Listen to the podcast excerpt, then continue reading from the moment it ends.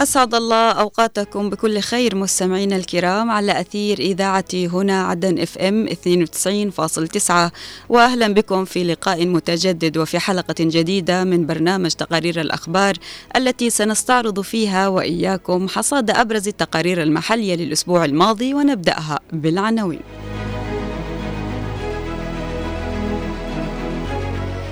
إعادة افتتاح الأكاديمية العسكرية العليا في العاصمة عدن. انعقاد مجلس العموم الذي دعا له الرئيس الزبيدي قضايا ملحة في توقيت حساس.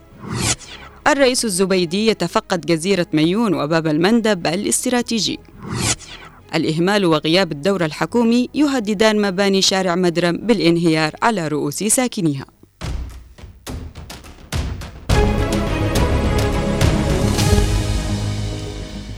افتتح الرئيس القائد عيدروس قاسم الزبيدي رئيس المجلس الانتقالي نائب رئيس مجلس القيادة الرئاسي مقر الأكاديمية العسكرية العليا في العاصمة عدن إذانا بتدشين سير العملية التعليمية فيها. المزيد من التفاصيل في التقرير التالي.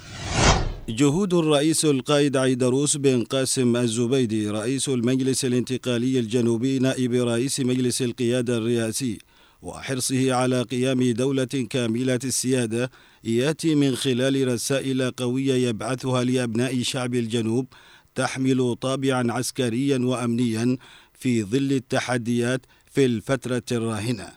رسائل الرئيس الزبيدي جاءت خلال افتتاحه مقر الأكاديمية العسكرية العليا في العاصمة عدن بمعية وزير الدفاع الفريق محسن الداعري إذانا بتدشين سير العملية التعليمية فيها حيث ترأس اجتماعا لقيادة وزارة الدفاع ورؤساء دوائر الوزارة هنأ في مستهله الجميع بافتتاح هذا الصرح الأكاديمي الكبير مطلعا على ما يحتويه المقر من أقسام وقاعات دراسية.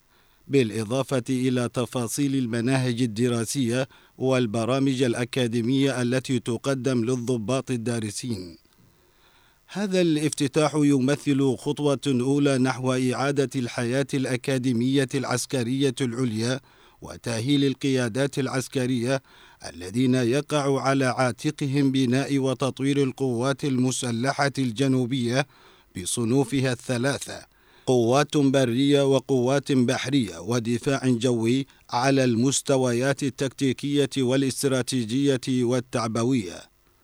وزير الدفاع عبر عن شكره للقيادة السياسية على اهتمامهما بإعادة افتتاح هذا الصرح العلمي الهام لرفض المؤسسة العسكرية بالقيادات والكوادر الكفوة والمؤهلة في الفترة الراهنة. لافتا إلى أن هذه المنشآت التعليمية والأكاديمية تساعد على ضبط البوصلة بالاتجاه الصحيح نحو بناء القوات المسلحة الجنوبية على أسس علمية ومهنية.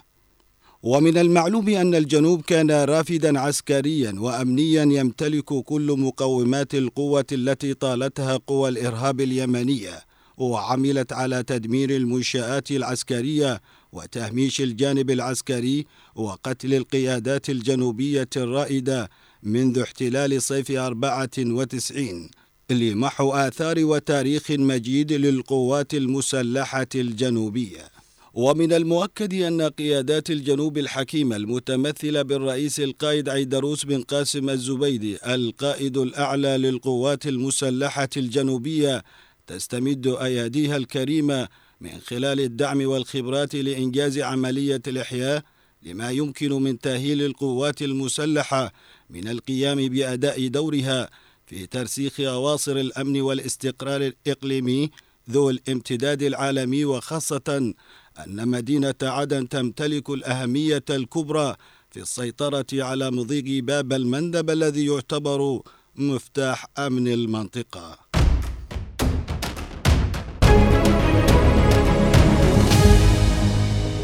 دعا الرئيس الزبيدي لإنعقاد مجلس العموم للمجلس الانتقالي بالقرار رقم 48 لعام 2023 ومن المقرر أن تتولى اللجنة التحضيرية المكلفة من قبل الرئيس الزبيدي القيام بالترتيبات اللازمة للتحضير للاجتماع وإنعقاده في الثاني من يناير المقبل. نتابع بقية التفاصيل في التقرير التالي. في مواجهة التحديات الماثلة أمام شعب الجنوب يسعى الرئيس القائد عيدروس بن قاسم الزبيدي رئيس المجلس الانتقالي الجنوبي نائب رئيس مجلس القيادة الرئاسي إلى كبح جماح تطاولات الأعداء بخطوات وطنية واضحة المعالم وكذلك مواكبة التطورات على الساحة الوطنية والعربية والعالمية. وفي هذا الصدد دعا الرئيس القائد إلى انعقاد مجلس العموم للمجلس الانتقالي الجنوبي في الثاني من يناير المقبل. لقد بات جليا أهمية هذه الدعوة لانعقاد مجلس العموم للمجلس الانتقالي في المرحلة الراهنة إذ أنه أمر يحمل دلالة كبيرة. فالفترة الراهنة تحمل الكثير من التداعيات والتطورات على مختلف الأصعدة. على الصعيد العسكري تثار جملة من التطورات على الساحة سواء داخليا في ظل تكالب القوى المعادية ضد الجنوب السعية لتهديد أمنه واستقراره. أو على الصعيد الإقليمي فيما يخص الممارسات الجنونية للميليشيات الحوثية التي تشكل تهديدا صارخا للجنوب أمنيا واقتصاديا. في الوقت نفسه فإن الساحة السياسية مليئة بالتطورات فيما يخص الجهود أو التحركات المبذولة بهدف التوصل لتسوية سياسية بشكل أو بآخر. فيما يمثل الجنوب جزءا أساسيا من هذا المسار ولا يقبل بالتهميش. حساسية الوضع الراهن سواء على الصعيدين السياسي والعسكري. تطلبت وقوف الجنوبيين على كلمة واحدة مع تعزيز حالة الاصطفاف التي تشكل جبهة قوية في مواجهة التحديات. في الوقت نفسه أحدثت التحركات حالة من السعار لدى أعداء الجنوب الذين أظهروا حقدهم وكذلك كراهيتهم للخطوات الجنوبية. الآلة الإعلامية المعادية للجنوب والتي أصابتها انتصارات الجنوب أصيبت بهستيريا من تلك الانتصارات التي يحققها شعب الجنوب تبعا ولذلك لجأت أبواقها إلى شن الحملات المسعورة الانهزامية والمشبوهة في محاولة يائسة لإحباط شعب الجنوب إلا أن الشعب أثبت صلابة في مواجهة أعدائه وهم يقفون جنبا إلى جنب خلف الرئيس القائد والقوات المسلحة الجنوبية.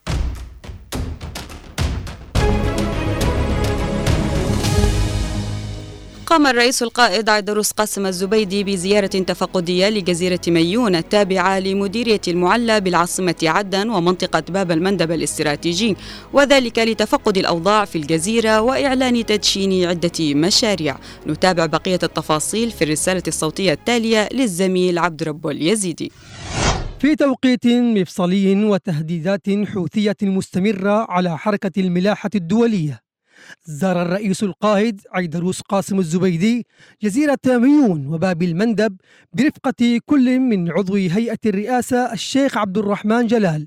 ووزير الدفاع الفريق محسن الداعري ووزير النقل الدكتور عبد السلام حميد واللواء محمود الصبيحي وزير الدفاع الأسبق وعدد من القادة العسكريين ووكلاء الوزارات لتفقد عدد من المشاريع الحيوية المنفذة في الجزيرة بدعم من الأشقاء في دولة الإمارات. آه اليوم نحن في جزيرة ميون هذه بوابة البحر الأحمر.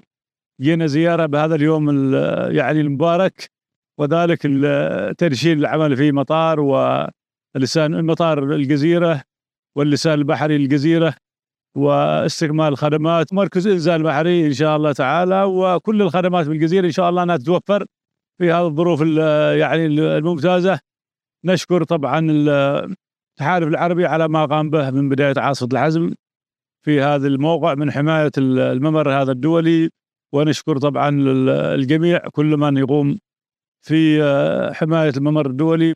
خلال الزيارة النوعية للجزيرة الواقعة في جنوب البحر الأحمر والتابعة لمديرية المعلى بالعاصمة عدن التقى الرئيس عيدروس الزبيدي بقيادة قوات التحالف المرابطة في الجزيرة. مثمنا الدور الكبير الذي قدمته قوات التحالف في دعم تأمين الجزيرة لأهميتها الاستراتيجية مجددا التأكيد على استعداد قواتنا المسلحة للمشاركة في أي جهد أو تحالف دولي لتأمين خطوط الملاحة الدولية في هذه المنطقة المهمة من العالم.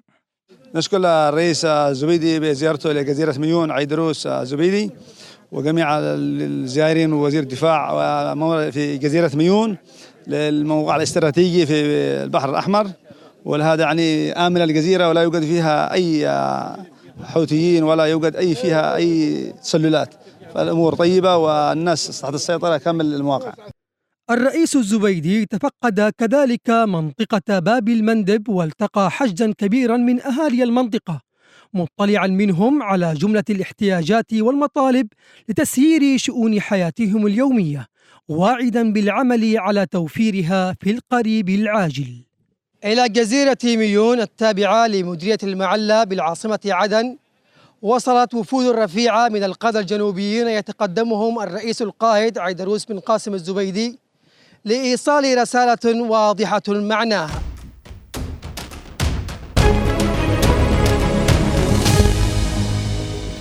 إهمال حكومي وغياب المسؤولية المجتمعية أدى إلى إلحاق أضرار بالغة بالمباني السكنية بالشارع الرئيسي بمديرية المعلى بالعاصمة عدن.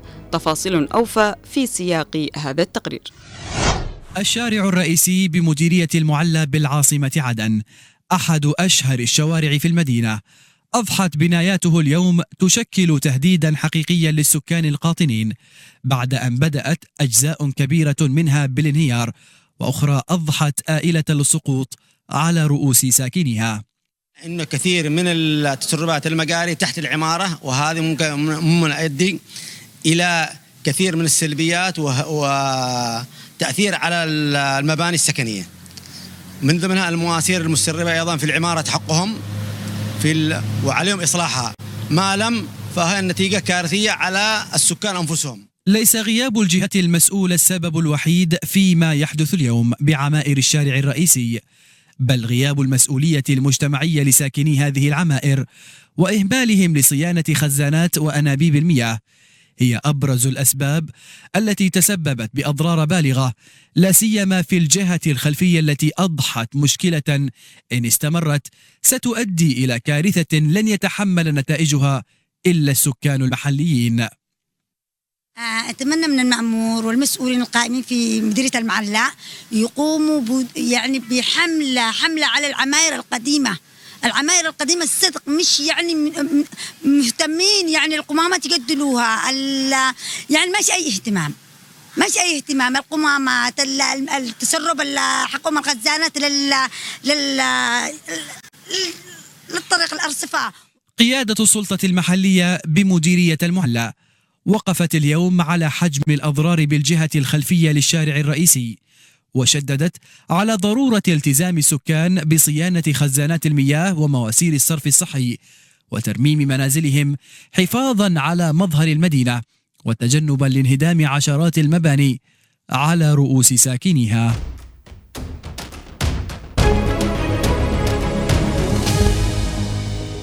مستمعينا الأحباء إلى هنا نصل إلى ختام هذا الحصاد من برنامج تقارير الأخبار. كنت معكم من الإعداد والتقديم أنا عفراء البيشي ومن الإخراج خالد الشعيبي. أطيب التحايا إلى اللقاء.